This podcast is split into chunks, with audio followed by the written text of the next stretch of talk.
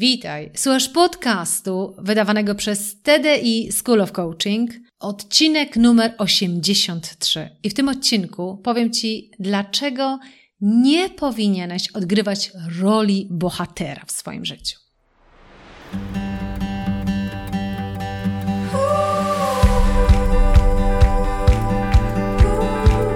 Witaj w serii podcastów TDI School of Coaching. Ja nazywam się Ela Krokosz i od ponad 20 lat zajmuję się tym, co jest moją pasją rozwojem potencjału ludzi. Dzięki pracy w wielu krajach wiem, że w nas jest dużo większy potencjał niż nam się wydaje. Moją rolą jest pomóc ludziom dostrzec swój potencjał, a potem zrobić wszystko, aby go wykorzystali. Uczę, jak rozpalać wewnętrzny ogień, pasję, poczucie sensu, spełnienie potem zarządzać samym sobą, swoim umysłem, aby budować siłę psychiczną do osiągania rzeczy, na których nam zależy najbardziej. Witam Cię bardzo serdecznie. Przed nami bardzo ciekawy odcinek, bo będziemy mówić o bohaterze. Jednak nie będzie to podcast z serii filmowej o różnych bohaterach filmowych, ale będziemy mówić o bohaterach życiowych. A konkretnie będę Cię zachęcać do tego, żeby nie odgrywać roli bohatera w swoim życiu. Owszem, będę mówić, jak traktować siebie jako bohatera, ale nie odgrywać roli bohatera. Za moment to wyjaśnię i będzie to pewnie prostsze do zrozumienia.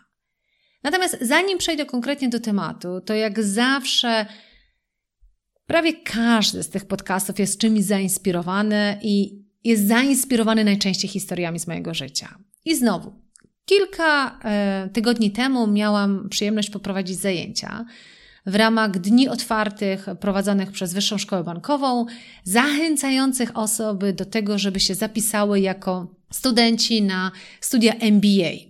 Ja mam tą przyjemność, że w ramach współpracy z Wyższą Szkołą Bankową jestem partnerem merytorycznym dla Executive MBA Business Trends, czyli dla kierunku już faktycznie adresowanego do najwyższej kadry menedżerskiej.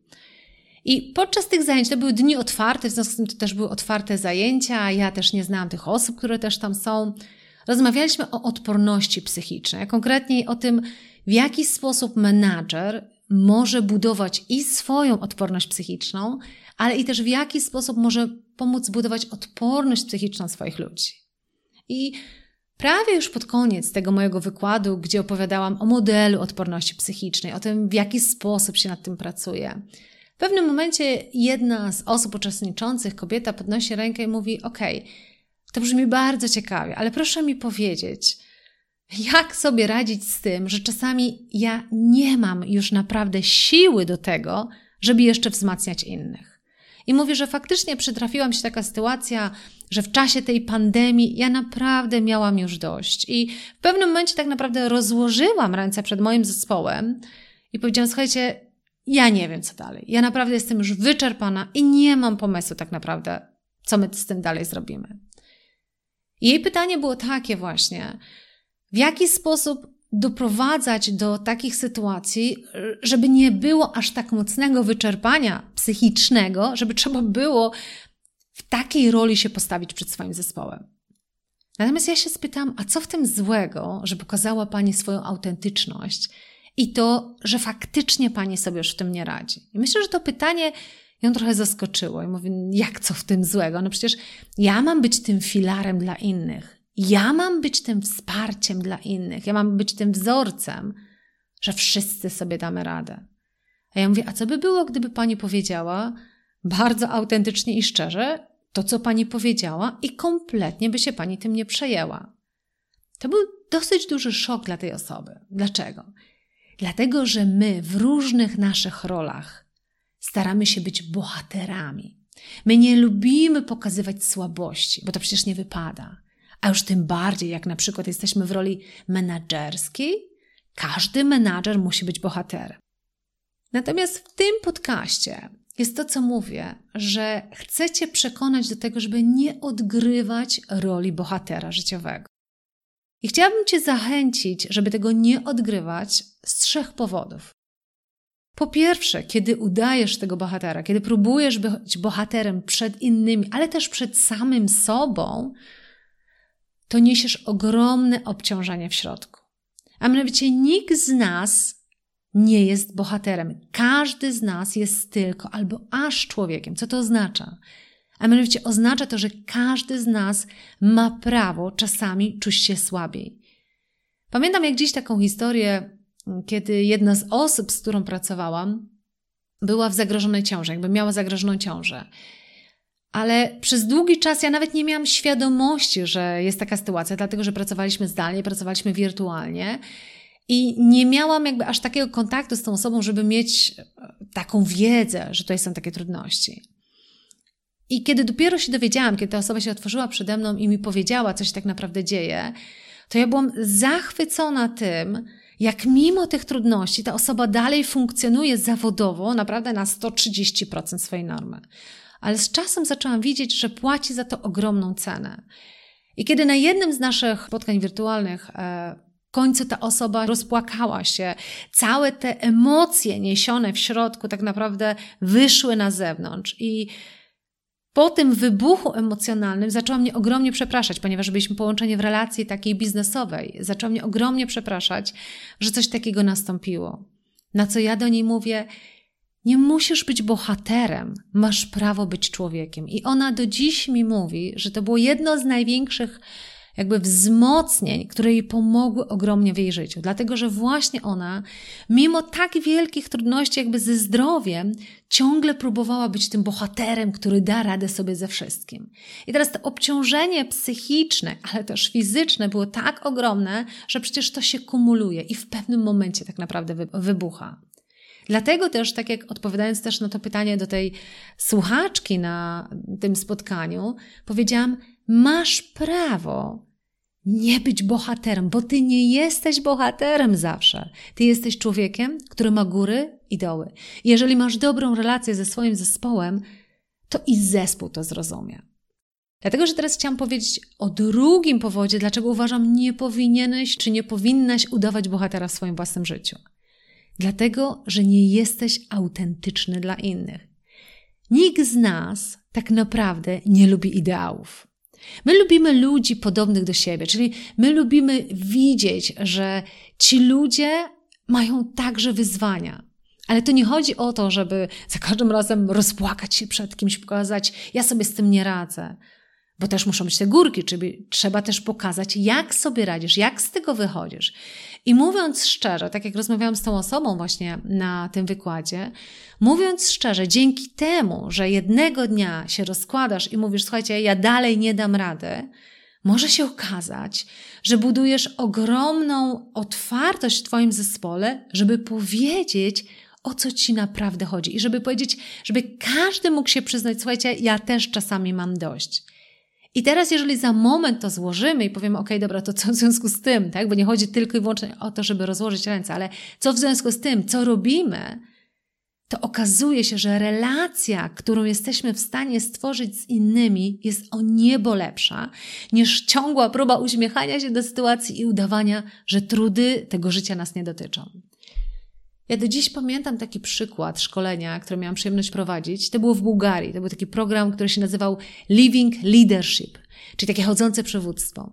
I w założeniu tego programu chodziło o to, żeby nauczyć menadżerów tego, że przywództwo to nie są techniki, ale przywództwo to jest coś, co masz w sobie. To są pewne wartości, które ty niesiesz i pewien sposób, w jaki ty poprzez to, kim jesteś, oddziaływuje na innych. I założeniem tego programu było to, że zawsze ten program jest współprowadzony, czyli przeze mnie jako przez trenera zewnętrznego i przez menedżera z wyższej rangi, czyli najczęściej menedżera, który był szefem dla tego zespołu, z którym pracowałam. I takim koronnym ćwiczeniem, które robiliśmy na tym e, szkoleniu, to było tak zwana rzeka życia. To jest takie ćwiczenie, w którym masz 7 minut na to, żeby opowiedzieć o Twojej rzece życia, czyli o tym, Jakie takie kluczowe momenty w Twoim życiu się wydarzyły, które ukształtowały Ciebie jako człowieka, no i Ciebie jako lidera tam w tamtej sytuacji? I pamiętam jak dziś, jak ta osoba, z którą współprowadziłam to szkolenie, tak jak powiedziałam, było to w Bułgarii, e, była menadżerem wysokiej rangi. I była to kobieta, była to branża produkcyjna, w związku tak bardzo twardo stąpająca po ziemi. I to był, nie, nie był to menadżer HR-owy, który jest taki miękki, tylko to był menadżer produkcji, czyli naprawdę twarda kobieta, tak mogłabym powiedzieć najpiękniejszymi słowami. I ja obserwowałam dynamikę pomiędzy tym menadżerem, tą kobietą, a jej zespołem. I widać było jakby taki duży dystans, ale też duży szacunek do tej osoby, ale też trochę strachu. I przechodzimy do ćwiczenia pod tytułem Rzeka Życia. I ta kobieta opowiada o tej rzece życia. I opowiada o różnych momentach. I w końcu gdzieś tam pod koniec tej swojej rzeki opowiada, jak miała lat 38 i urodziła pierwsze dziecko. I kiedy urodziła to pierwsze dziecko, to, to kompletnie wywaliło wszystko do góry nogami, bo nagle się okazało, że to nie ona rządzi w domu, tylko ten mały bajtel. Ale potem pokazała drugi moment na tej rzece życia, dwa lata później.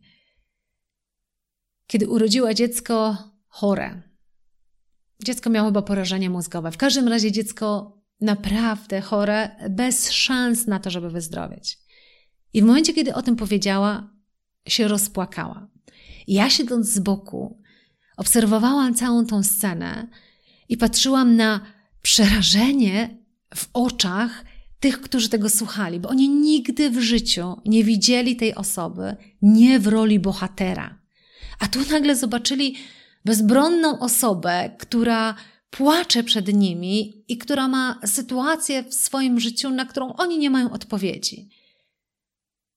Oczywiście ta menadżerka za moment jakby uspokoiła się i pokazała, jak mocno to, w jakiej sytuacji ona teraz jest, też wpływa na to, w jaki sposób ona życie odbiera i jak często jest jej trudno zmagać się z tymi trudnymi wyzwaniami biznesowymi i z drugiej strony z tym chorym dzieckiem. Ale muszę Ci powiedzieć, że to, co się zrodziło w tej grupie po tej autentycznej reakcji niebohaterskiej tej menadżerki, to było coś niesamowitego. Ja już nie mówię o tym, że potem w tych rzekach życia każdej z tych osób, która prezentowała, było tak dużo autentyczności, ale generalnie zbudowało się takie zaufanie pomiędzy tymi ludźmi, że to było coś przepięknego. I to jest dla mnie właśnie taki przykład, dlaczego nie warto udawać bohatera zawsze. Dlatego właśnie, że kiedy podzielimy się pewnymi rzeczami, tymi oczywiście, którymi chcemy się podzielić, i pokażemy, że my nie jesteśmy bohaterem. My jesteśmy zwykłym człowiekiem albo aż człowiekiem, któremu przytrafiają się różne rzeczy i czasami ma górkę, czasami ma dołek. To to w ogromnej mierze po pomaga nam budować bardzo autentyczne relacje. I trzeci powód, dlaczego nie warto udawać bohatera w naszym życiu, jest to, że kiedy udajesz bohatera, nawet przed samym sobą, to masz większe tendencje do pozostawania w strefie komfortu. Carol Dweck, która tak mocno badała to, jak to się dzieje, że ludzie o tym samym potencjale zachodzą kompletnie w różne miejsca w swoim życiu, tak? I ona stworzyła to podejście, mówiąc, że są dwa typy myślenia. Jest myślenie nastawione na trwałość, tak zwany fixed mindset, i myślenie nastawione na rozwój, tak zwany growth mindset. I ona pokazała, że te osoby, które tak mocno udają bohaterów w swoim życiu, mają bardzo mocno to swoje myślenie nastawione na trwałość, czyli na obronę obecnego status quo. No skoro jestem bohaterem, no to nie mogę robić rzeczy, na których się jeszcze nie znam. Nie mogę opuścić mojej strefy komfortu i podjąć się rzeczy, w których mogę polec, bo wtedy nie jestem bohaterem. I Karol Dweck to udowodniła, że tylko osoby, które mają to nastawienie na rozwój, czyli te, które mają świadomość, że czasami nie są bohaterami, są zwykłymi ludźmi, którzy ponoszą ogromne porażki, które próbują, testują, nie wychodzi, są po prostu człowiekiem, zachodzą dużo dalej w swoim życiu. Dlatego nawet z tak egoistycznego e, powodu, jak fakt, że wiele rzeczy nie zrobisz, nie spróbujesz, nie przetestujesz, a co oznacza nie urośniesz, nie staniesz się lepszą wersją samego siebie, nawet z tego powodu nie, ważno, nie warto udawać bohatera.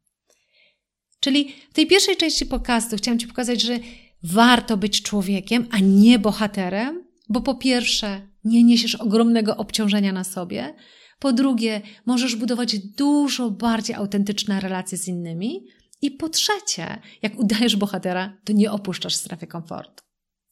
Natomiast chciałabym powiedzieć o jeszcze jednej rzeczy, a mianowicie nie musisz udawać bohatera ale możesz traktować siebie jako bohatera. To dopiero będzie ciekawe. To, o czym teraz powiem, to jest filozofia, metodologia zaczerpnięta od mojego przyjaciela, przyjaciela zawodowego Jacka Skrzypczyńskiego, któremu generalnie to się jakby kłaniam w tym podcaście, bo mam do niego naprawdę wielki szacunek i wiele inspiracji od niego też czerpię. On opowiada o modelu od wroga do bohatera. I to jest model, który bardzo często my wykorzystujemy, kiedy opowiadamy o tym, w jaki sposób budować relacje z innymi że to, w jaki sposób patrzysz na człowieka, uruchamia w tobie odpowiednie emocje. Czyli dlatego to się nazywa od wroga do bohatera, dlatego że możesz na kogoś patrzeć jako na wroga, a możesz na kogoś popatrzeć jako na bohatera. I w zależności od tego, jak na tą osobę popatrzysz, tak ją też traktujesz i takie emocje masz w stosunku do niej. Ja bardzo mocno w ramach self-coaching program, kiedy pracujemy coachingowo, opowiadam o tym, że to, co myślisz, determinuje to, jakie budujesz w sobie emocje. A to, jakie budujesz w sobie emocje, determinuje to, co zrobisz albo czego nie zrobisz w swoim życiu. W związku z tym, to, w jaki sposób traktujesz kogoś, czy widzisz w nim wroga, czy widzisz w nim bohatera, zdeterminuje to, co zrobisz, jaką emocję w sobie wzbudzisz, a potem tak naprawdę jakie działania podejmiesz. Natomiast pozwól, że opowiem Ci o tej filozofii od wroga do bohatera w kontekście patrzenia na samego siebie. Tej koncepcji jest tak, że przesuwasz się kroczek po kroczku od wroga do bohatera. Jak sobie wyobrazić, tak, wyobrazisz taką linię, wyobraźmy sobie, że to jest taka linia i idziesz od lewej strony do prawej, tak? Od, od skrajnych, od wroga aż do bohatera, to przechodzisz przez różne fazy. I teraz w zależności od tego, jaka jest faza, to tak możesz siebie traktować, bądź innych. Ale ponieważ ja Ci tutaj chcę pokazać, jak siebie traktować jako bohatera, to skupię się na tym.